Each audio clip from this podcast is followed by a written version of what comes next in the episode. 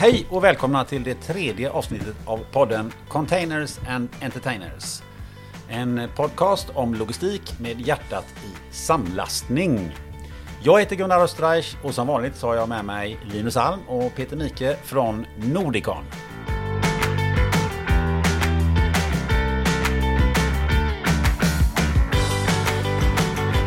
Eh, Linus, du måste ju må otroligt bra nu. Alltså du, är, du har haft en lång semester i Spanien. Ja, stämmer bra. Ja. Tre veckor i Spanien. Eh, fast jag jobbade nästan hela tiden. Mycket det var corona. Eh, Alltså jag menar i, i, i glasen. alltså, ja, precis. Fan vad vitsig du är Gunnar.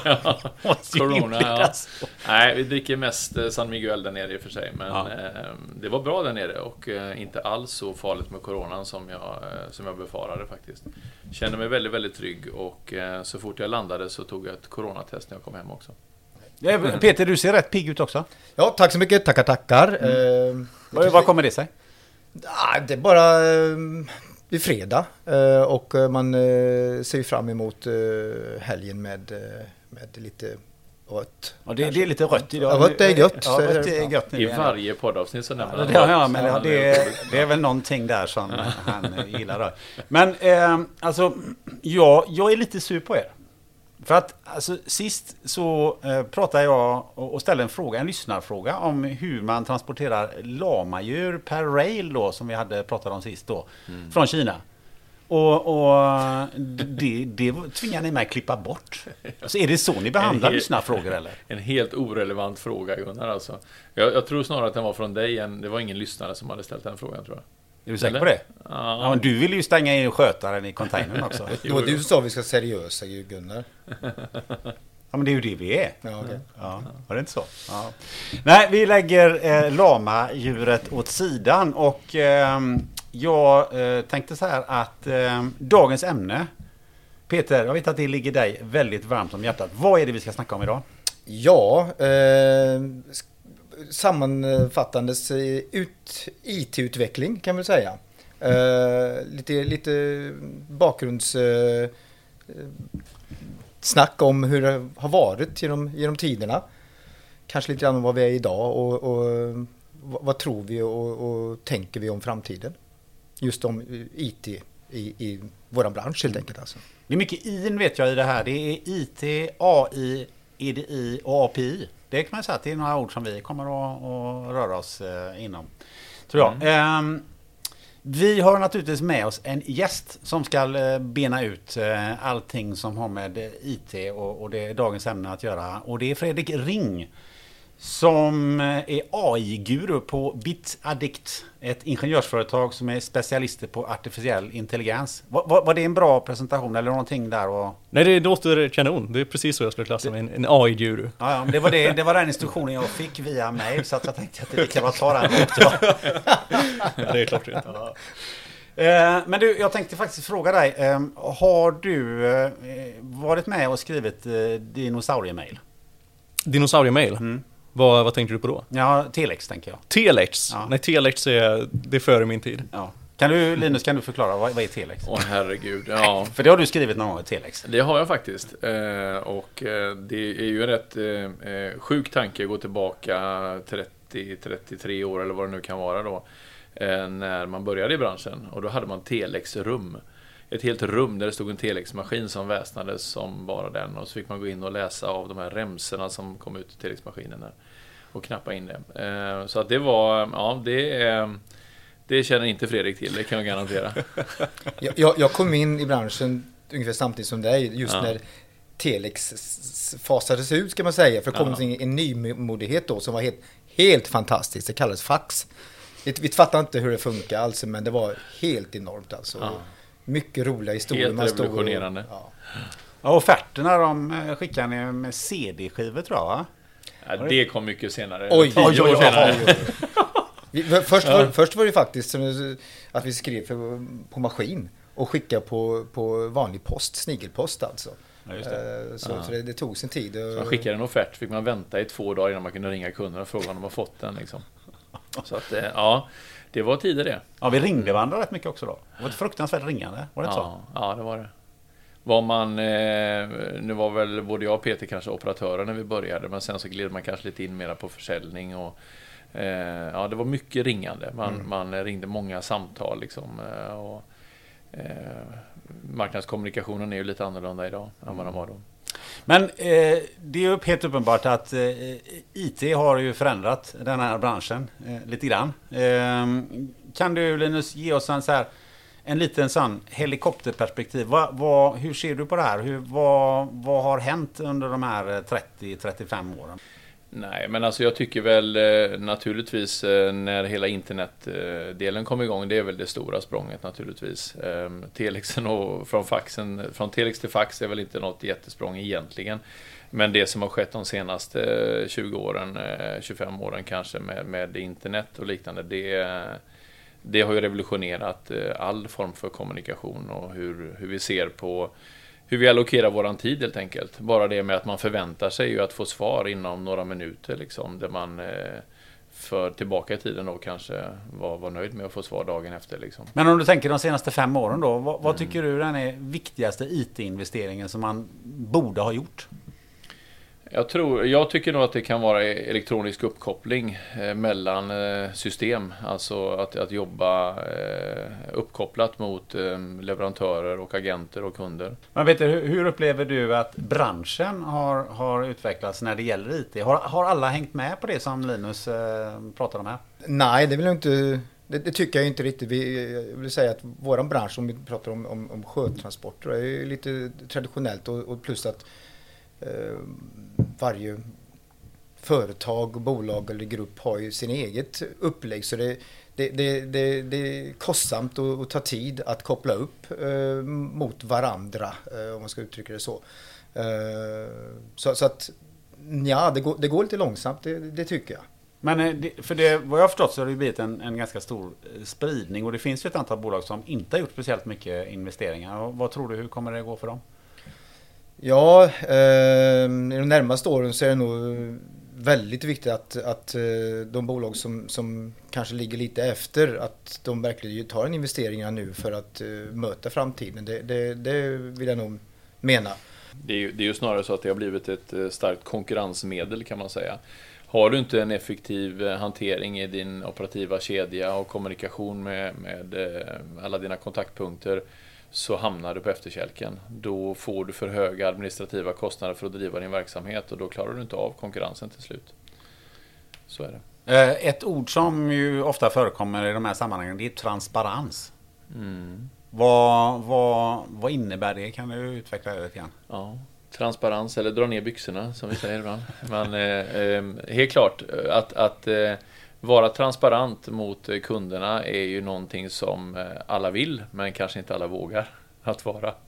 Ehm, eh, jag tror våran bransch historiskt sett har varit lite grann fylld av vita lögner. Vad har hänt med mitt gods? Varför är det försenat? Och så vidare. Och så har det fastnat någonstans på vägen och så vill man inte säga hela sanningen.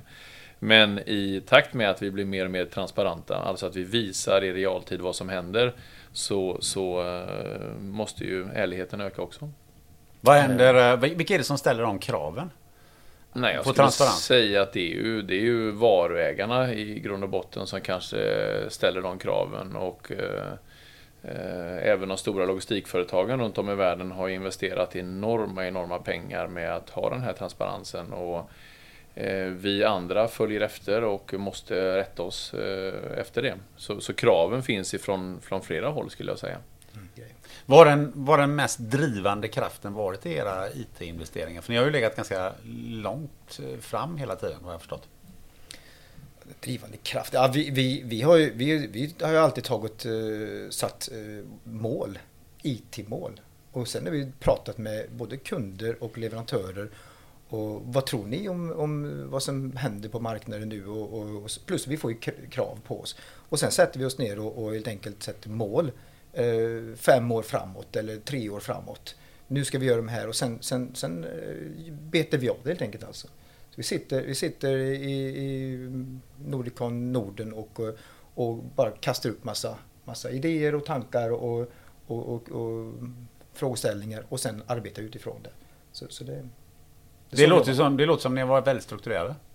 vi är extremt strukturerade. och nu låter ju väldigt, uh, sätter sig på, på höger, men, men ja, det, det, stämmer ju. det, det stämmer. Det, vi, vi, vi är verkligen, vi betar av det verkligen alltså.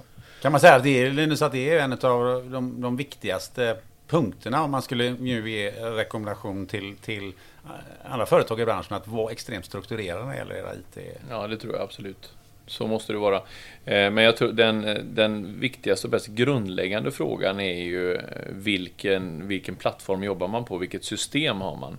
Eh, om man går tillbaka lite grann i tiden när det gäller Nordicons utveckling så, så insåg ju vi, det här kanske är 15, 10-15 eh, år sedan någonting, så insåg ju vi att det systemet som vi hade, det klarade inte av all den utveckling som vi ville göra.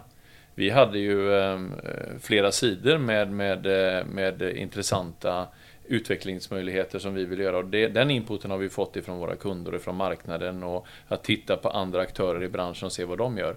Och sen skapar vi vår egen lista med action som vi ska göra. Och när du ser då att de här sakerna som vi vill utveckla, ja det stödjer inte det systemet som vi har. Så vi var tvungna att börja från grunden. Och det är ju den absolut viktigaste investeringen som vi har gjort och som jag tror många andra måste tänka på också. Eh, de senaste fem åren kanske jag skulle säga att eh, utvecklingen eh, av MyNordicon, alltså våran kundportal, det har varit väldigt, väldigt hög fokus på det.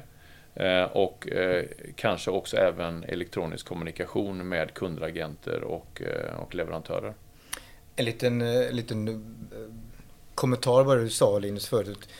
Jag minns det var ju ungefär 15 år sedan som vi satt oss ner och, och, och hade en sån här visionärt möte och vi diskuterade vad, vad tror vi framåt och med andra. Och då, då gjorde, tog vi ett, ett beslut, hade en tioårsplan. Mm. Det är ungefär, ungefär 15 år sedan. Och, och, och då där så vi sa att nej, vi måste ha ett nytt system, vi måste ha bättre datorer och, och, och, och vi ska ha kalkylatorer och vi ska ha det här och det här. Alltså. Och, och det jobbar vi efter i tio år och, och, vi lyckades eh, nå alla mål faktiskt efter sju år. Men vad vill vi komma till? Det var eh, efter det så satt vi oss ner och den gången så tog vi ett femårsplan mm. och så gjorde vi efter det. Och efter det, när vi är klara med det, så gjorde vi treårsplan. Nu, nu, nu går inte, det går så fort, det väl komma att det går så jäkla fort nu. Ja, så att du, du, du, du, kan inte ha en tioårsplan, utan du, du får ha liksom en eller tvåårsplan, för det händer så jäkla mycket alltså. Ja, det är väldigt bra observation. Ja, ja nej, det är en jättebra poäng, för ja. Eh, precis det jag ville komma till, att, att det, det, måste vara svårare och svårare att, att planera. Tioårsplan idag är ju fullständigt Nej, det, det går inte. eller vad säger nej. du Fredrik? En tioårsplan eh, inom, inom AI och, IT? det, det är ju nästan otänkbart egentligen. Vi vet inte vart vi står om fem år ens. Så ja, helt rätt. Ja. Um, men lite grann intressant kan ju vara att se vilka, vilka svårigheter är det ni har stött på? Vad är liksom, vilka miner har ni gått på under de här eh, tiderna? det är också bra att veta, eh, mm. gör inte det här eller det här var jobbigt. Ja, eh, vi har ju, vi har ju eh, gått på en del miner genom åren såklart också och eh, vilket har Ibland har det kostat mycket pengar och ibland så tycker jag att det har varit värt det för vi har lärt, lärt oss väldigt mycket. Men jag, jag minns för ett antal år sedan tillbaka, vad det kan vara tio år sedan kanske, någonting när vi skulle uppgradera våran, våran hemsida och bygga just den här plattformen och Oj. kundportalen och liknande. Då var både jag och Peter hade extremt starka åsikter om hur den här sidan skulle, skulle utformas och vad så att det, eh, vi, vi anlitade ju en, en, eh, en byrå som skulle hjälpa oss med detta. Och, eh, men det slutade med att det var i princip vi som designade hela ja. sidan och Nej, det blev inte bra. Nej, stackarna. De, de kom ju med ett förslag och sa mm, Nej, så vill inte vi ha det. Nej, vi skrotade det totalt. Så. Alltså. Alltså, ja, ja, vi gick in dikterade allt. Ja. Och sen så efter ett, ett år, där vi tittade på vad är, vad är det för hemsida vi har egentligen? Det är som en jäkla tegelsten. Det kan vi inte använda. Vem, vem, har gjort den här?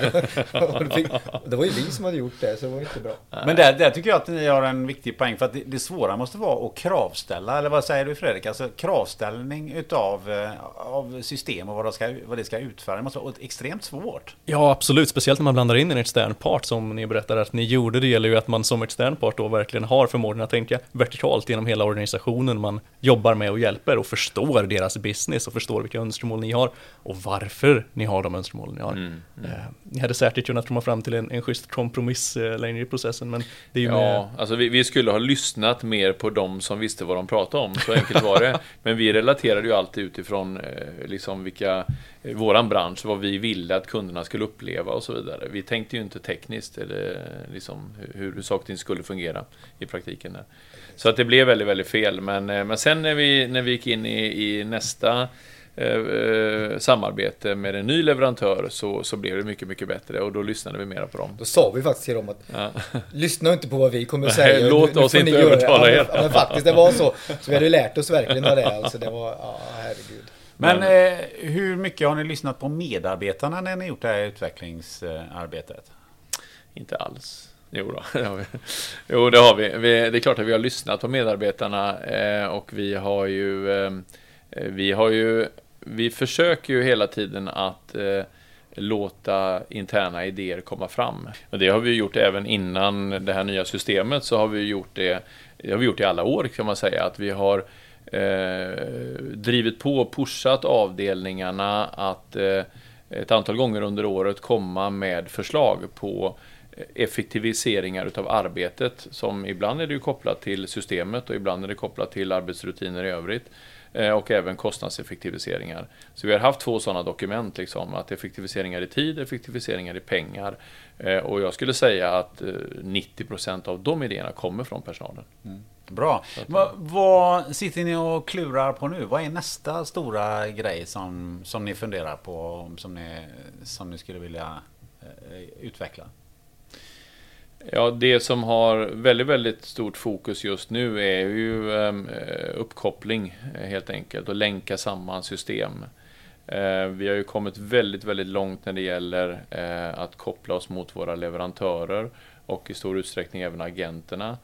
Eh, och eh, att koppla sig mot kunderna på ett mycket enklare och mer effektivt sätt tror jag är, mm, är den stora utmaningen framöver. Det är ju ändå så här att det, det, vi har ju pratat om EDI-kopplingar mot kunder i 10-15 år och alla säger att ja, men det är så enkelt och det gör vi. Vi har gjort det, för 10 år sedan så hade vi också EDI-kopplingar mot kunder men det var en ganska stor puckel att komma över för det var väldigt tidskrävande.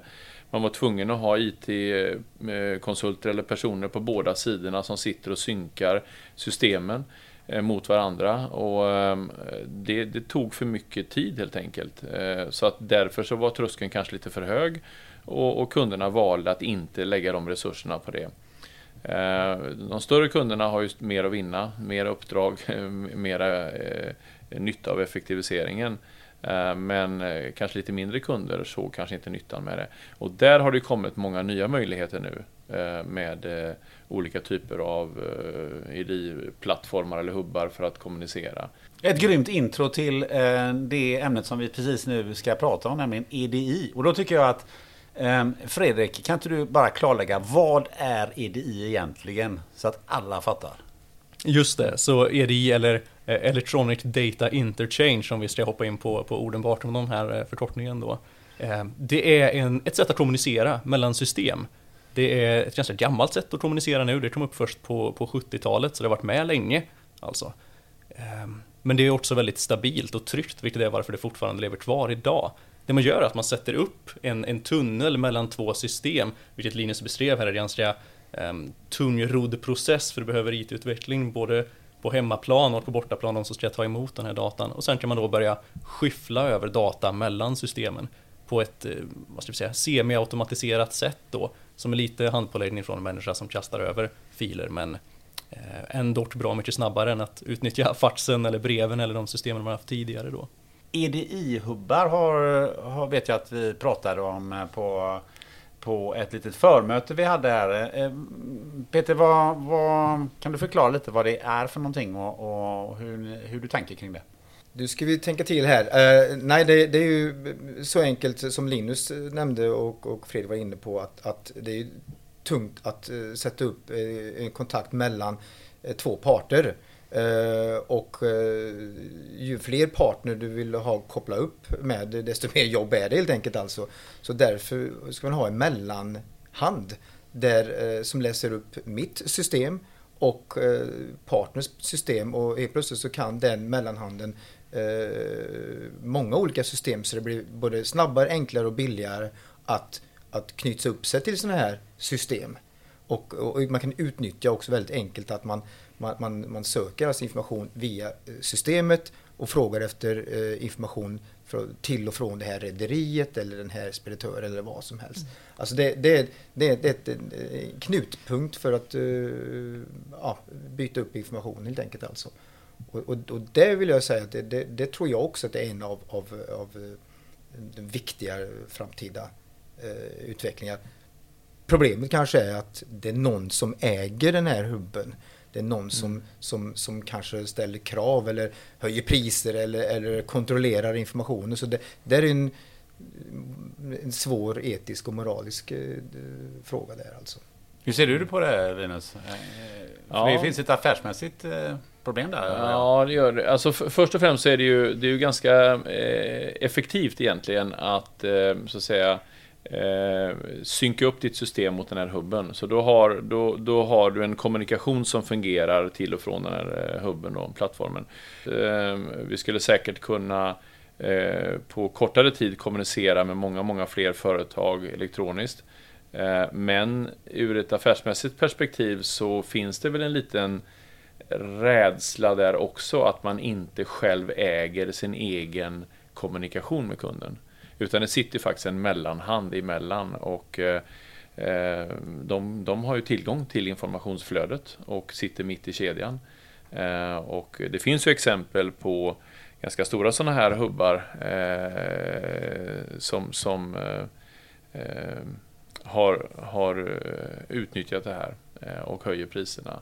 Vilket gör att du, du är liksom ganska maktlös. De, de kan ju lite granna påverka din, din kommunikation med kunderna. Och eh, jag är lite grann emot det, att man inte är ägare av sin egen kommunikation med kunden. Men, Men vi kan också säga att, som du säger, att, att vi, vi, vi erbjuder ju alla alternativ. Ja, exakt. Att vi har eh, kontakt nu med tre sådana EDI-hubbar, lokalt och globalt. Ja. Mm. Men också att vi utvecklar våran API och eh, eh vår XML-format. Så att våra kunder kan välja vilken de vill. Så att det, mm. det är en... Um, ha, nu har ju eh, Linus och eh, Peter redan nämnt eh, två stycken förkortningar som nu kräver eh, sin, eh, sin förklaring. Och, och Fredrik, jag bollar till dig. XML och API. Just det, så om, om vi börjar vid XML då så kan man likna det vid eh, språket som vi kommunicerar med så att vi förstår den datan vi faktiskt skickar mellan våra system. Eh, så det har ingenting med själva kommunikationsvägen att göra utan snarare se till så att ehm, vi förstår varandra när vi faktiskt pratar med varandra. Eh, API då, det är en annan typ av den här kommunikationsvägen, precis som eh, förlåt, EDI är en kommunikationsväg. API står för Application Programming Interface. Så om vi bara jämför de här betydelserna, Electronic Data Interchange, alltså vi, vi byter data mellan oss, eller Application Programming Interface, där det är alltså ett interface mellan två olika system så ser man redan vissa eh, skillnader. Jag tänkte att vi kan stanna upp vid, vid, två stycken bekymmer eller problem som ni faktiskt nämnde ett var här, Linus och Peter. Eh, Linus, du nämnde ju att eh, det är lite problematiskt att man inte äger kommunikationsvägen själv. Och Peter, du nämnde att det är ju jobbigt att Ehm, bygga upp flera sådana här kommunikationsvägar till flera olika parter om man nu vill snacka med många olika. Och båda de här problemen löser man genom att bygga ett API istället. För det API är, är ett, ett interface mellan olika system som kan prata helt och hållet med varandra utan någon slags eh, mellanhand, ingen handpåläggning. Vi öppnar alltså upp vårat system till att prata med ett annat system utan någon, någon eh, särskild brygga emellan. Det är en standard för ett webbaserat kommunikationssätt som gör att eh, de här systemen direkt kan skicka frågor och få svar till varandra på det tar millisekunder för de här systemen att prata med varandra, vilket gör att man kan automatisera processer och dra ner på tiden det tar att sköta den här kommunikationen mycket mer än vad man kan genom eh, EDI som då är föregångaren. Ett typiskt exempel på det här är ju när vi eh, handlar online. Alltså tänk att vi är inne på IKEA, vi ska köpa hem en, en byrå. Vi fyller i våra kortuppgifter i kassan Alright, där så får vi direkt svar på att de här kortuppgifterna är okej okay, och vi får möjligheten att checka ut. Det som händer i bakgrunden där är att IKEA, de har ju inte koll på mitt eh, mastercard att det är okej, okay, utan de anropar ett API till en eh, kortverifierare, en betaltjänst helt enkelt, som direkt ger ett svar på att det här kortet är okej. Okay, och IKEA visar då upp det svaret och låter dig checka ut. Den här typen av direktkommunikation som vi inte alls upplever någon delay genom, det är bara möjligt med den här typen av kommunikationsvärld som API erbjuder. Då, och då blir följdfrågan då, det är snabbare, eh, det är effektivare, det är inga mellanhänder. Varför håller man på med EDI då? Är det inte bara att köra API? Ja, det är ju en utvecklingsprocess som krävs då att gå över från EDI till API. För när EDI är ett sätt att, att bygga på en, en eh, kommunikationsväg mellan två system så måste vi med API istället utveckla våra system till att sköta den här kommunikationen. Så det blir ett annat sätt att utveckla som vi först behöver kanske eh, värmas upp till tanken av att, att eh, börja bygga på egen hand då först. Men sen är det också så att EDI eh, de är väldigt säkra och trygga. Det finns en inneboende säkerhet i att bara ha en kommunikationsväg mellan två parter och vara helt överens om exakt vilken data som ska skickas över den här. Så vad du säger är att det krävs investeringar för att eh, kunna använda API mellan, eh, eh, mellan olika parter? Mm, det, det, gör det absolut. Det gör det absolut. Hur, hur, ser ni det på, på det på, på Nordicon? Hur, hur, funkar det hos er och, och vilka möjligheter och utmaningar ser ni där Peter? Tack för att du ställde frågan till mig Gunnar. Ja men jag tänkte det. Att Nej, skämt åsido. Jag kände att, liksom att du satt där och bara, ja, du bara ville bara svara. Vibrerade, ville svara. Du bara vibrerade. Ja, ja, ja, tack, Ifall ni undrade, det, det inte lät lite innan jag ställde frågan här, så, så var det Peter som vibrerade. Ja. ja, eh, nej, men eh, den är jätteviktig för det här som jag pratade, eller vi pratade om förut, eh, hur att man ska effektivisera och våra kunder ska kunna få informationen snabbt och enkelt. Så att, att eh, vi kommer nog ha via vårt API kan våra kunder ganska enkelt eh, hämta informationen och helt plötsligt så det vi har på Norden, det vi har byggt upp, vi har alltså byggt upp kalkylatorer, vi har track and trace, vi har statusar, på, vi, vi, vi är snart uppe i tio olika statusar från, från där vi hämtar upp godset till, från Kiruna till det levererat i Ogodogo. Vi, vi, allt det här, alltså vi har byggt upp och, och erbjuder våra kunder det kan de sen få in direkt i sin dator. Alltså de, de kan, det är en väldigt viktig del för dem och mycket information som de slipper att lägga en energi och tid på. Det enda, om man säger in, enda, det är att de ska eh, hämta informationen från våran API då. Mm. Men, men det, det, är en jätteviktig del alltså, som, som, eh, som vi har sagt hela tiden, att de som inte går den här vägen, de måste börja investera i det här. Då menar jag investering inte bara pengar utan det är tid och, och, och, och, och tanke och, och sitta och verkligen strukturera upp det här. Alltså. Vilka affärsmässiga eh, fördelar finns där eh, Linus, eh, ser du? Inte nog att, att kunderna kan komma åt den här informationen man kan hantera, men vad, vad ser du för, för möjligheter framöver?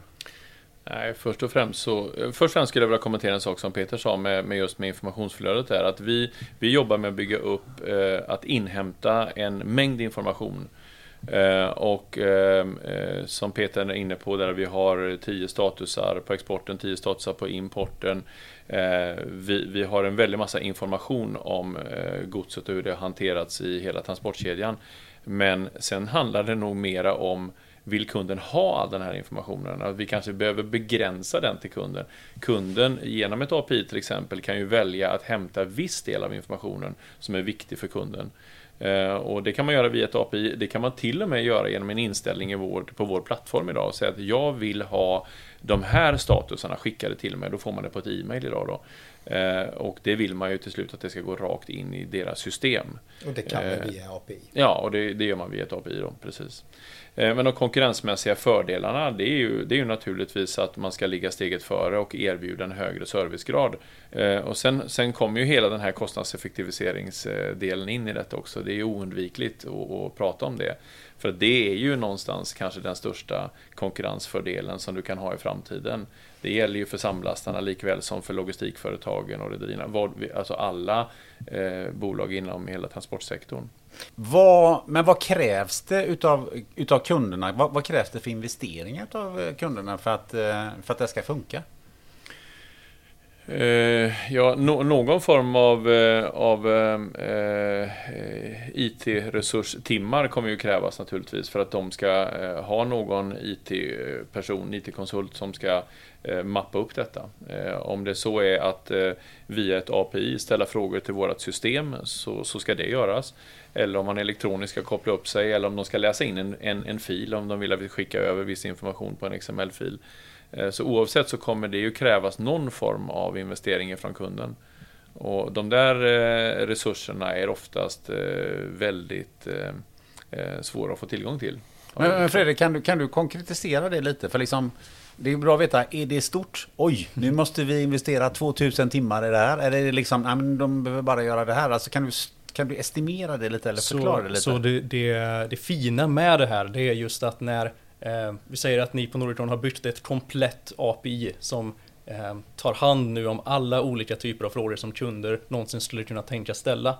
Ja, men då är det upp till kunden att själv utveckla vad är det som är värdefullt för oss. Ja, men då jobbar vi mot det API och integrerar det i vårt system. Så det behöver inte vara en stor kostnad alls. Man behöver investera för att bygga in de delarna som man själv önskar ha utifrån det API som ni nu tillhandahåller då på Nordicron. Mm. Men det är inte så att man behöver um, bygga in mot allting och att det blir en, en, ett enormt projekt, utan man kan plocka de godbitar som man önskar ha och bygga in det i sitt system. Det låter ju fantastiskt bra. Och nu tänker jag att nu ska vi ta det här ett steg längre. För nu ska vi prata artificiell intelligens. AI, som det heter. Och jag, då, då tänkte jag naturligtvis börja med dig Fredrik. Kan du bara så kort förklara um, vad är AI? För jag tror att det är många som har en ganska fluffig eh, bild av vad, vad AI är och vad, eh, vad vi ska komma fram till då, vad AI skulle kunna göra eh, i den här branschen. Just det. Så, så rätt och slätt skulle jag säga att AI är simulerad mänsklig intelligens.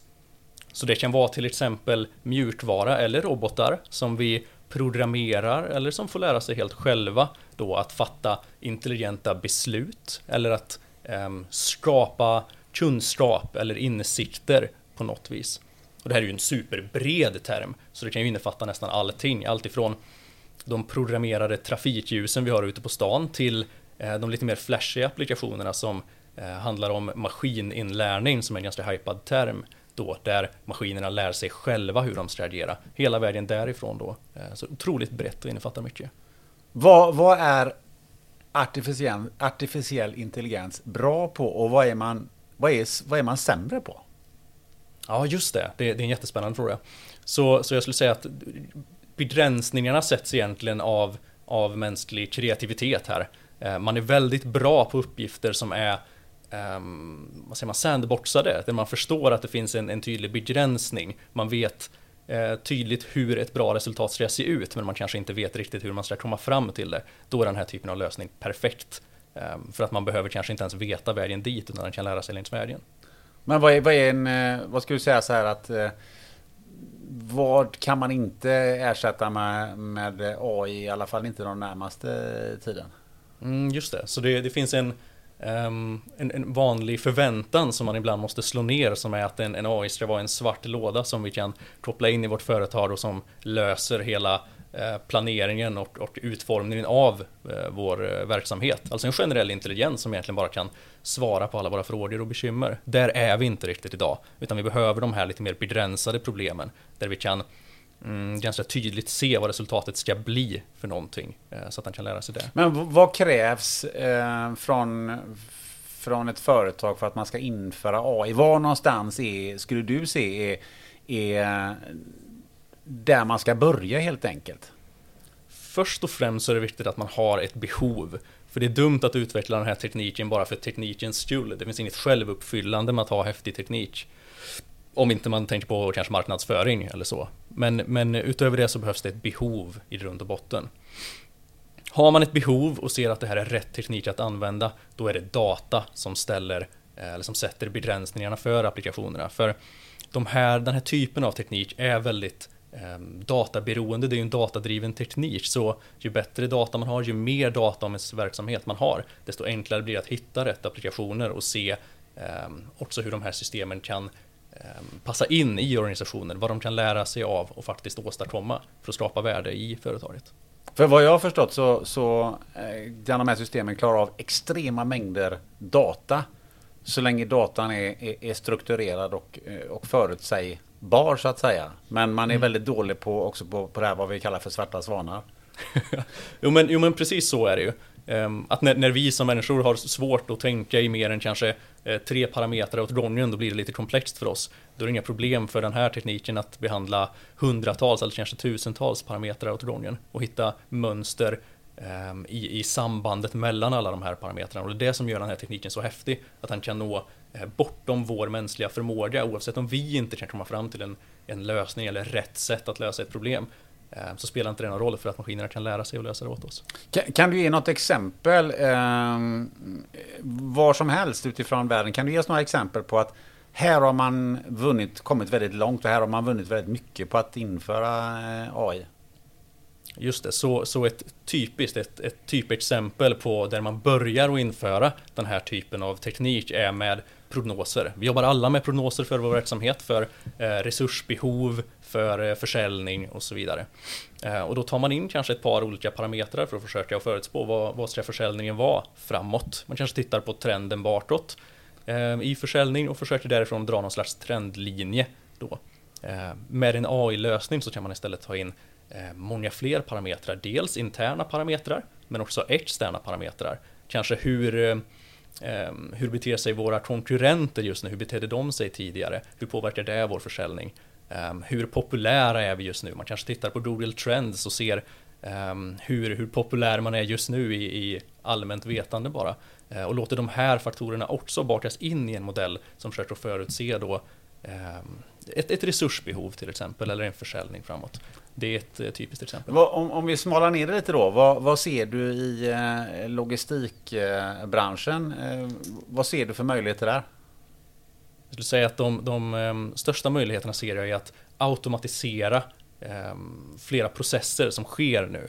Att em, nu när man har börjat ta de här stegen som Linus och Peter har pratat om, att digitalisera och, och få upp en teknisk plattform, att därifrån se till att Mm, man, man drar nytta av den här digitaliseringsresan och automatiserar processer för att utesluta mänskligt fel och utesluta kanske de här eh, vad ska vi säga, de, de processerna som blir lite långsamma för att vi som människor inte kan hantera 20 stycken olika eh, uppgifter på samma gång. Den här typen av effektiviseringar genom automatiseringar är eh, väldigt, väldigt eh, begripliga och lätta att ta. Det är lågt hängande frukter i verksamheter. Vilka lågt hängande frukter ser du Linus? Ja, Och ser?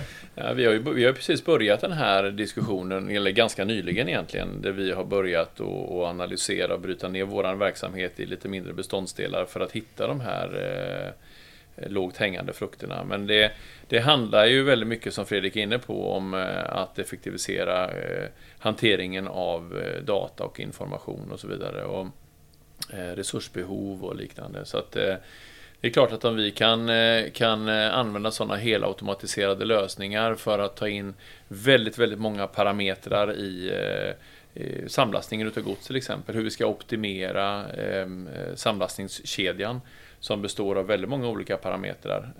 Och i våran värld så handlar ju allting extremt mycket om fyllnadsgrader och effektiviseringar, korta ner hanteringen av godset ifrån Eh, Eh, om du ska från Kiruna till, vad sa du, Ugodugu? Ja, vilken destination som helst i världen då. Eh, så är det ofta så att det föregås av ett, ett antal olika ben, ett antal olika hubbar. Eh, och där har du också ett antal olika valmöjligheter att transportera godset då. Och om man kan automatisera det så att ett system, att, att datan själv kan räkna ut Eh, och förutspå vilket som är det bästa, bästa och mest kostnadseffektiva sättet. Kanske kan underlätta för, för eh, våra operatörer som sitter med lastplanering och liknande. Mm. Om jag får fylla i det Linus, för, för det, det precis det du sa från Kiruna till ja, Ogodogo kanske är fel. Det är din favorit, Ja, jo, faktiskt. för Säger det, alltid det, det. Ja, men det är faktiskt Burkina, Jag säger alltid Ho Chi Det Minh. ligger i Burkina Faso, bara så ni vet det. Så, ja. okej. Gamla övre Stor, Volta. en stor exportdestination. ja, okej. ja, tackar, tackar. Ja. tackar. Nej, eh, eh, jo, eh, nej men det är ju en sak som vi, vi, vi, vi håller på och, och jobbar med eh, på Nordicon. Och det, det är den här som säger Kiruna till, det är en annan intressant eh, ställe. Ho Chi Minh. Nej, Nej. Bethlehem, Pennsylvania i USA. Ja, den är bra. Den, Den är bra. Den, Ja, den, ja, den, ja, ja. Kaching, då kom, då kom den in. Ja. Nej men eh, det, det är inte bara att det är många parametrar för transporten och så utan eh, vi, vi, vi jobbar med någonting som, som vi kallar eh, One Invoice. Alltså våra kunder ska, ska kunna gå in på våra portal och, eh, och skriva Kiruna och sen ska jag till Bethlehem, Pennsylvania. Och där rasslar vårt system med våra API och XML och, och, och EDI fram ett pris till vår kund. Och, och de- de, börjar alltså bara trycka på en knapp och boka. Så är det inget mer. Sen eh, är det inte bara det att, att det, det var, utan vi måste ju få fram all den här data från alla agenter. Nu pratar jag var i USA där kanske, men, men vi kommer jobba också i Kina och, och övre Afrika, Asien och så. Och där kommer en AI in väldigt mycket tror jag, för det är extremt mycket data som, som ska sorteras in och, och tas fram och, och, och presenteras på ett bra sätt. Det tror jag är en av de låg hängande frukterna. Mm. Bara för att avsluta, du sa ju one invoice bara så vi klargör vad det betyder. Liksom att det, det handlar ju om att få hela prisbilden klar för sig från verkligen från A Ja, till B.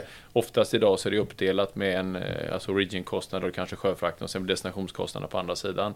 Men att man ska kunna producera en kostnad eh, och eh, ingenting som debiteras på andra sidan liknande, bara en, en faktura. Från A till Ö Ja. på en faktura. Exakt. Mm. Vad, vad, vad tänker du Fredrik när du, när du hör det? Nej, jag tänker att det låter eh, precis rätt väg att gå och också inte bara få fram den här en fakturan utan också tillgängliggöra den för alla era eh, kunder så att det blir enkelt att komma åt. Man kanske vill ha ett automatiskt system som är uppkopplat mot kunden så att kunden överhuvudtaget inte ens behöver gå in på portalen längre utan bara får informationen till sig genom det här API som har tillhandahållit det. Att automatisera alla de här processerna, att kapa ner alla de här ledtiderna som är när man måste gå från system till ett annat system. Eh, Det är ju någonstans dit vi måste röra oss för att eh, förbättra hela branschen. Ja, undvika dubbelhantering helt enkelt. Alltså. Precis. Mm. Men en sak som vi har förstått nu och och lärt oss också under den senaste tiden det är ju att när vi pratar med sådana Eh, specialister som, som du är Fredrik på AI här så handlar det också väldigt mycket om att du eh, och ni då måste förstå våran bransch och förstå vad det är vi gör. Eh, för att vi tillsammans ska hitta de här lågt hängande frukterna där vi kanske omgående kan spara tid och effektivisera processen. Och då börjar man där. Och sen börjar man och sen bygger man upp det. Och ju mer de här specialisterna inom det här området lär sig om våran bransch så kommer vi tillsammans kunna hitta otroligt spännande lösningar tror jag framöver.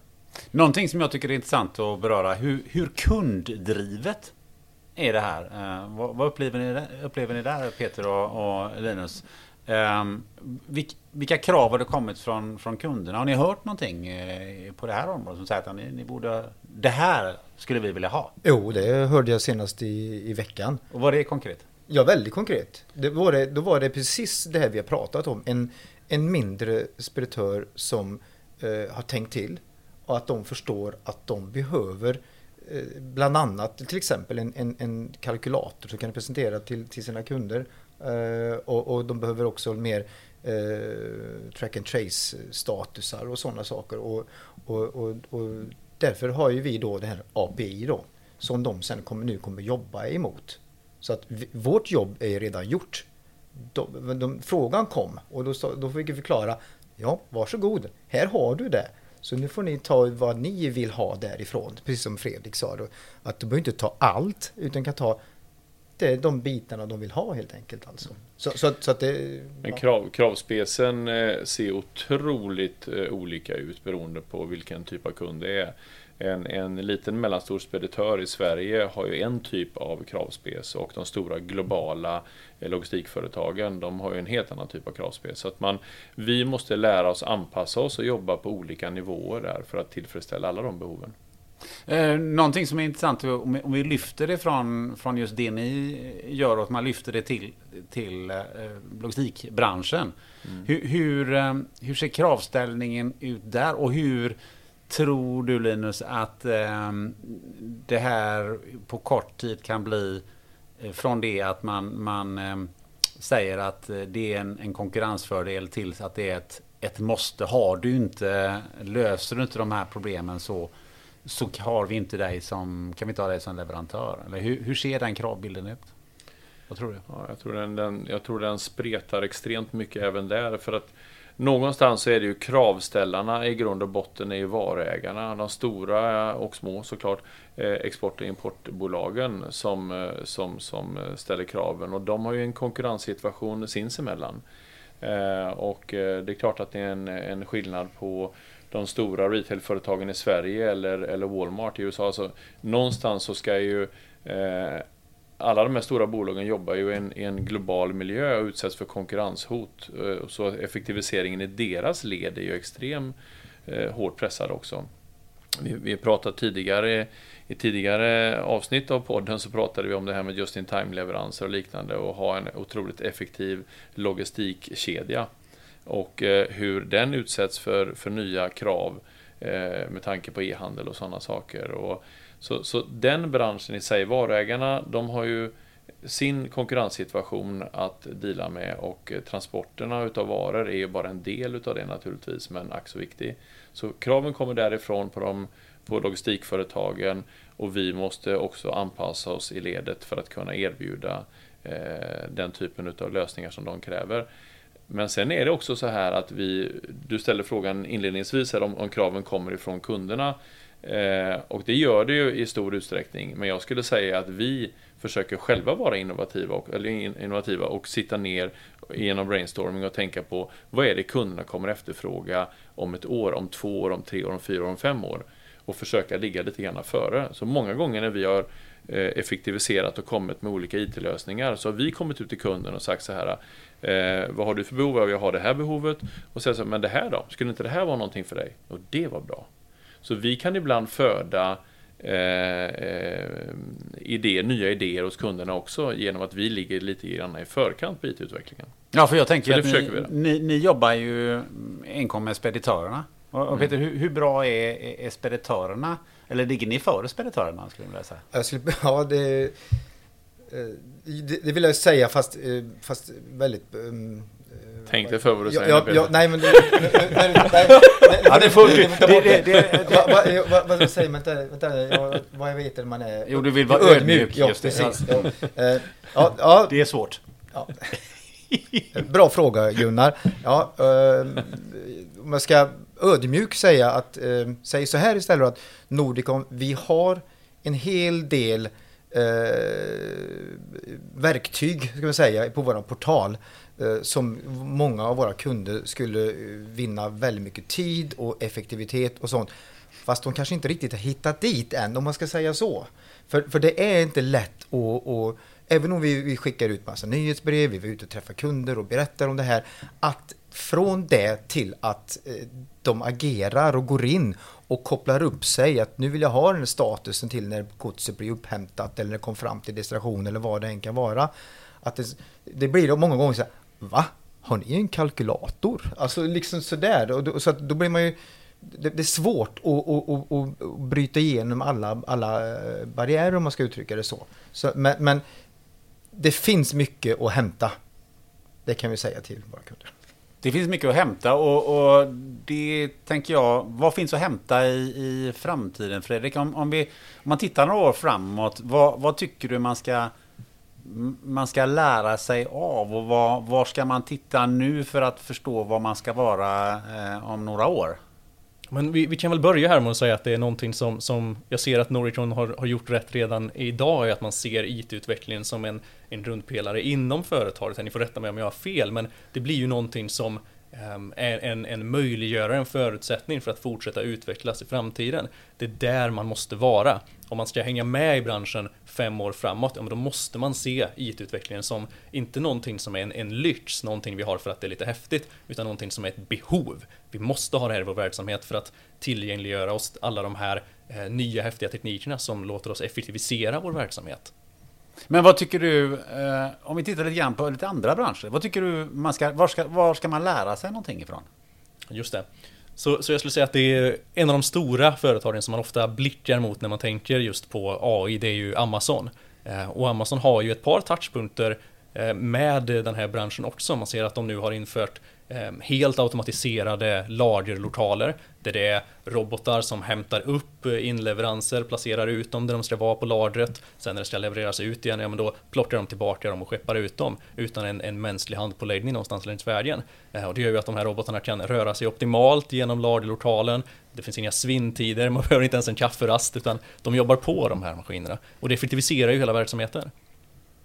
Vad, vad tror du Peter, du gillar ju att titta lite grann och vara lite visionär. Vad, vad, vad känner du om du bara skulle få där och, och freaka ut lite och sånt så att tänk, tänk, om det vore, alltså lite science fiction, ja, tänk ja. om det vore så här, tänk om det skulle kunna fungera så här. Helikoptersamlas, men det är ingen science fiction. Men, nej. Uh, nej. AI är inte bara framtida science fiction utan det är väldigt mycket konkret som Fredrik sa. Att gå ner och, och bryta ner och effektivisera saker och ting. Automatisera låter ju skittråkigt men i grund och botten så blir det att det blir eh, mer kostnadseffektivt. Du håller ner kostnaderna. För i, i vår bransch så är det det är priset det handlar om många gånger, eller hur? Det är ju mm, så liksom att, mm. ja, du måste, sitta, nu, nu vet inte jag, men det är en dollar hit och en krona där. Och, och, vad ska du göra då för att kunna möta med det? Jo, då måste man gå de här vägarna för att mm. effektivisera, automatisera, för att hålla ner sina kostnader helt enkelt. Det alltså. som effektiviseringen ger i form av besparad tid som då också sparar pengar kan du ju själv bestämma vad du vill lägga på. Vill du använda den besparingen på att reducera ditt pris så kan du göra det. Vill du lägga den effektiviseringen på att fortsätta skjuta in pengar i ny IT-utveckling eller använda de lediga resurserna som man har till att eh, göra andra saker och marknadsföra sig. Det är precis det det handlar om, fördelningen av de resurserna som du har. Och eh, många ställer sig säkert frågan hur fasen hinner de med att uh, köra en podd här Peter och Linus? Liksom? Eh, eller att vara så aktiva på sociala medier och så vidare som vi är. Jo, på grund av att vi har effektiviserat och vi använder de resurserna som vi frigör på, på ett annat sätt. Då. Men Linus, om du skulle liksom, fantisera fritt eller, eller fundera, eh, vad, vad skulle du säga så att det här skulle vi vilja automatisera eller förenkla hos oss. Det hade varit en stor fördel. Men jag är inte säker på att det går just nu. Eller finns det något sånt där? Om du går lite långt framåt sådär. Nej, alltså jag, det, det, är svårt att spekulera eh, så visionärt egentligen. Alltså, eh, det blir nog väldigt mycket science fiction då, men det får ju någonstans finnas någon realism i det. Jag, jag, jag ser väl att eh, hela transportkedjan och informationsflödet kan till slut automatiseras helt och hållet. Eh, och det betyder ju kanske inte att vi inte kommer att behöva eh, vår smarta personal som sitter och, och, och styr och, och lastplanerar och liknande. Men det kommer att vara ett otroligt stöd i hela den processen tror jag. Plus att till slut så kommer eh, all information, man kommer hitta vägar för att göra all information, statusrapportering i hela logistikkedjan från A till Ö helt transparent och möjlig för kunderna att komma åt. Eh, vi kommer att eh, ha allting tillgängligt egentligen för kunderna. Man kommer kunna se var sitt gods är i realtid. Liksom. Det, är ju, det är ju en verklighet även nu genom att sätta någon tracker på godset och så vidare. Men allt detta kommer att bli mer och mer och mer transparent. Ja, jag tänkte på vad du säger, science fiction. ja. Jag är lite science fiction-freak, det kanske man inte kan tro. Men, och, och då, det är lite grann man kan ta ut idéer där och, man ser på en film som du vet för ett antal år sedan det var en självgående bilar och man har telefoner i händerna, man har all information inne i glasögon och, och allt. Jag menar allvarligt alltså. Om man säger någon visionär, vision så, tänk alla de här system vi pratar om, koppla in det med AI och eh, API och XML och vad det kan vara och vi får all informationen och våra kunder på jäkligt enkelt kan få det och så, så slutkunden kan i sina glasögon säga Dink, nu din eh, skeppning eh, kommit från eh, Rotterdam och den landar i Göteborg där. Alltså det är den här mycket information som kunderna vill ha. Men, men mm. dit vi kommer till sen. Mm. Vi kommer leva i en science fiction-film alltså. Mm. Ja, det, det, det, det är din dröm Peter? Ja, ja, ja tack, tack. Vad, vad, tror du om det Fredrik? Vad, vad ser du? Det är ju de här flashiga grejerna som du pratar om Peter, som är någonstans framtiden dit vi vill röra oss mot. Och, och det gör vi ju också, men det är ofta svårt att börja i den änden. Så oftast måste man börja med de här lite mindre attraktiva projekten som handlar just om automatisering, att liksom förbereda sitt företag för den här långa resan som vi nu ger oss in på med att, att röra oss mot framtiden och låta en AI vara större och större del av eh, fler delar av vår verksamhet. Vi måste börja någonstans litet för att, att introducera det i verksamheten och bygga vår verksamhet runt om det. Eh, att låta den eh, utvecklas i takt med det för att sen komma till de här riktigt häftiga, flashiga grejerna som också ser någonstans är, är målet. Någonting som jag har lagt, fört upp på bordet här några gånger som... Kommer det min lamadjur nu? Nej, ja, det, vill du det? Vill du... Nej, skippa det. Nej, men, men någonting som jag uh, har funderat på, som jag också har framfört vid några tillfällen, det är ju det här att att ju mer ni kan packa in i en container, eh, alltså ju mindre tomspace det är i en container, desto, desto mer pengar eller mer bättre eh, affärer gör ni, kan jag tänka mig. Att är det en, en full container eller en halvfull container, det är en ganska stor skillnad på hur mycket, ni, mycket, eh, mycket intäkten blir till slut. Och jag säger så här att ja, men, det här borde ju kunna optimeras. Här borde det kunna finnas enorma möjligheter att, att eh, eh, packa frakten på ett så optimalt sätt så att man i princip inte har någon tomspace alls i en, eh, i en container. Jag vet att jag har blivit lite motsagd utav, mm. utav både eh, eh, Linus och Peter. Men, ja. men eh, ehm, vi, om vi ger oss ut en bit, inte just nu idag, men om vi ger oss ut en bit eh, framöver. Vad säger, vad säger du om den idén Fredrik? Absolut, och jag är, jag är säker på att det finns ett dussintal företag som sitter med just det här problemet just nu enbart som sin affärsmodell. Ehm, det, det jag förstår blir lite svårare är ju när paketen inte längre följer de specifikationer som de ehm, kanske har, har skrivits upp som när de väl kommer in till lagret. Och då blir det ju svårare, då behöver man ha något slags eh, marginal i de här containerna för att se till att ja, men, den här propellern som var lite större än vi trodde, att den faktiskt får plats i, eh, i containern. Ja, men jag skulle vilja stretcha det lite. Alltså vad är, vad är det som säger att inte ett AI kan läsa av ett kolli till 100% exakt hur stort det är, vad det väger eh, och så vidare. Och sen mm. bara utifrån det, så fort kollit kommer in i, i lagret, göra en lastplanering. Mm. Ja, det, det, är absolut en möjlighet och det är en möjlighet redan idag. Med computer vision-lösningar så har vi absolut den möjligheten att eh, se till att vi värderar och mäter eh, alla paket på, på eh, väldigt hög noggrannhet. Eh, och sen kan vi hela tiden arbeta om hur stor, eh, hur många containrar och hur fulla de kommer vara eh, när vi faktiskt ska skeppa ut dem. Eh, det kan vi ju räkna om konstant, konsekvent när det kommer in nya paket varje gång. Det är absolut en möjlighet och den skulle jag inte ens säga finns i framtiden utan den finns redan, redan nu om vi skulle vilja. Tekniken finns nog för det, men det är väl, alltså det eh, Anledningen till att vi har sagt emot dig där Gunnar, det är väl för att vi vet ju i dagsläget att eh, eh vi har inte tekniken och ingen annan har väl tekniken att eh, att kunna läsa av kolli på det sättet. Eh, för att du måste ju den informationen som du får ifrån, ifrån kund, eh, det är ju den som ligger till grund för om du överhuvudtaget klarar av att lastplanera på det sättet. Och i dagsläget så finns inte den möjligheten, men i framtiden ja. Kan du till exempel ha en stor scanner vid terminalen så när godset för exportsamlastning då kommer in så skannas allt gods därigenom och så går det in i ett system och sen talar om du ska lasta de här 440 fotarna till Singapore och kollorna ska placeras exakt så här i containrarna. Och det tar hänsyn till alla faktorer, hur godset är emballerat, hur tungt det är, exakta mått, om du kan ställa saker och ting uppe på varandra eller inte. Alltså allt, allt, allt. Om du kan hantera all den, eh, den eh, datan på korrekt sätt. Så det är klart att det går. Men, men där är vi ju inte riktigt ännu. Så när vi pratar framtid, ja, varför inte? Varför inte? Det är något mer vara... som ni ska säga, varför inte, men inte idag. Mm. Kom igen nu. Peter, Linus. Vad, vad, vad är det så här? Men fan, det är, vi tar bort alla människor på lagret. Den lastar eh, containern eh, automatiskt eller vad är liksom... Mm. Vad, vad, om vi tio år framåt? Har vi robotar som går här inne på kontoret eller vad, vad, vad händer? Nej, men det, det, jag tror att du, eh, eh, vi, vi skulle nog eh, kunna klara av att automatisera även hanteringen på terminalen. Eh, absolut. Och, och, använda mera eh, system och robotar och liknande för att hantera det. Det tror jag. Men någonstans så ska det också vara värt investeringen. Eh, och det, det det kostar ju väldigt, väldigt mycket. Det krävs ju säkert en viss stordrift, en viss volym för att det ska betala sig. Så att, ehm, ja, jag tvekar på att vi kommer att vara där inom samlastningen i alla fall.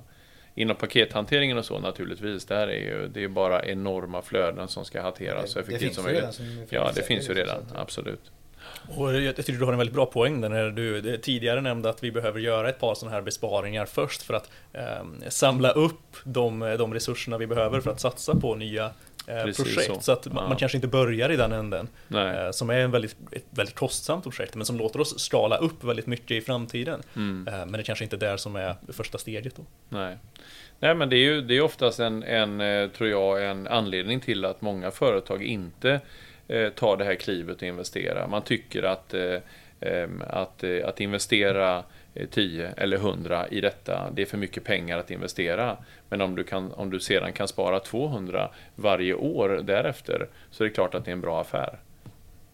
Eh, om vi eh, tänker lite på, på lyssnarna här och, och eh, vad vi skulle kunna skicka med från det här eh, avsnittet eh, till dem eller hur vi skulle kunna tänkas eh, sammanfatta det. För att jag tror att vi ska, vara, ska kunna vara lite konkreta så här på, på slutet och säga så att Tänk på det här, gör det här, det här är viktigt den närmaste tiden framöver. Kanske gå hem och, och, och kolla om vi redan kan göra någonting nu. Um, Eh, Fredrik, vad, vad, vad, tror du? Vad skulle du vilja skicka med? Jag skulle, jag skulle nog vilja säga eh, tre punkter som jag skulle vilja skicka med. Eh, den första är att, att börja se IT-utveckling som en, en grundpelare inom sitt företag så att man verkligen satsar på det här ehm, och inte hamnar bortom, långt bortom täten i framtiden. Ehm, det andra är att inte vara rädd för den här nya tekniken AI som vi har snackat om under det här avsnittet. Att man inte tänker på det som någonting magiskt eller mystiskt eller en svart låda, utan förstår att det faktiskt är en, en ny teknik för mjukvaruutveckling bara, som löser andra problem än vad vi kunde lösa löst tidigare då. Eh, men väldigt, väldigt tillämpbart och väldigt eh, konkret och verkligt framför allt. Eh, och sen slutligen då att man ser över vilken data man har på sitt företag och funderar på, kan vi redan nu ta steget in? Vad känner ni? Mm. Peter Linus, vad skulle ni vilja skicka med från det här avsnittet till era kunder eller till era partners eh, eller, eller till någon annan i, i branschen här? Mm. Ja, jag, jag, tror också det. Man måste... Nu, det är sån otroligt stor skillnad på de lyssnarna som vi har. Antingen sitter man på ett stort globalt logistikföretag där det investeras miljardbelopp liksom i IT redan. Eh, eller också så är man en, en liten mellanstor lokal eller regional speditör. Eh, och så, det, så eh, det är klart att eh, behoven hos dem är så extremt olika. Men, men grundläggande för, för, för alla det är väl att också som Fredrik säger ta den investeringen. Nu sitter kanske många i, i eh, budgetar för 2021 här och jag tycker faktiskt att man, man måste för att hänga med eh, lägga en ganska så bra slant på, på IT-utveckling. Eh, och det kommer att betala sig. Det kommer, även om inte man ser den investeringen i 2021 så kommer du se den i 2022 och 2023. Och det ökar konkurrenskraften för, för bolaget. Och eh, jag vill hävda att personalen mår bättre. Man kan använda den här tiden till mycket, mycket bättre saker än att eh, vara extremt överbelastad och, och sönderstressad och liknande. Det är en stressig miljö som, som vi alla jobbar i och transportbranschen har alltid varit extremt högt arbetsbelastad. Men, men eh, någonstans så måste vi också klara av att hitta andra vägar för att effektivisera våra processer och se till att vår personal mår bättre. Med risk för att eh, upprepa andras eh, har sagt. Men jag, jag, jag tänker tillbaka lite grann på den här tioårsvisionen som vi hade eh, för 15 år sedan. Nej, men att man sätter sig ner och tänker jäkligt brett och, och, och visionärt. Vart, vi Var, vart ska vi? Vart är vi nu och vart ska vi? Vad, vad tror vi att vi möter för motstånd? Det, det, det, det, kan jag tänka, liksom, det är ungefär vad, vad Fredrik säger, fast jag säger på ett annat sätt eh, kanske. Eh, det plus eh, den här att det finns ju faktiskt lågt hängande frukt, eh, populärt uttryck nu då. Eh, till, till exempel det som finns idag. Så att man, eh, och nu kanske jag är väldigt nordig om ögon, men här, här har vi redan väldigt mycket som våra kunder kan utnyttja. Fast man kanske inte vet om eller har tagit steget. Så att man behöver inte liksom uppfinna hjulet igen. Det kanske finns där ute också. Så det, det, man mm. måste börja med vad vill vi? Vad är våra mål? Och sen hur når vi dem? Så. Med, en, med en liten investering kan du uppnå väldigt mycket tror jag. Tycker jag var bra avrundning där. Med en liten investering kan du nå väldigt mycket. Därmed så, så stänger vi det här avsnittet. Eh, och, eh, men hinta lite för, för eh, det som kommer efter det här. Och jag har fått till mig viskat att det ska bli eh, någon slags eh, debatt då kan det tänkas Ja. bli. Ja, eh, vi jobbar för det faktiskt. Ja. Det, är, Ehm, det går ju lite grann i linje med det vi har pratat om nu här. Det finns ju vissa ehm, bolag i branschen som är väldigt trendbrytande och eh, arbetar med, med helautomatiserad eh, eh, transporttjänster kan man säga. Och så finns det de som verkligen förespråkar att eh, speditörens och logistikföretagets roll kommer alltid att behövas och så vidare. Så att våran tanke här det är att ta in två stycken motpoler i våran lilla studio här och, och skapa lite debatt så de får argumentera för sin sak eh, och de kommer ha väldigt olika åsikter om hur, eh, hur framtiden ser ut och eh, eh, vad marknaden kommer att ställa för krav. Eh, Och i detta så ska vi, eh, jag och Peter, sitta med då och eh, ge våran syn på detta också. Så det kommer bli otroligt spännande tror jag. Det ser vi verkligen fram emot måste jag säga. Det är boxhandskar på här alltså. Det, oh, det är på den nivån. Ja, men då så. Då, då tror jag att vi därmed stänger butiken för nu. Och vi tackar Fredrik för att eh, du ville vara med här som, som gäst och, och som, som klok herre. eh, och eh, så, så, tackar vi givetvis Linus och eh, Peter för alla, alla inspel. Tack ska du ha Gunnar. Tack. Tack. Tack. Tack. Tack. Tack.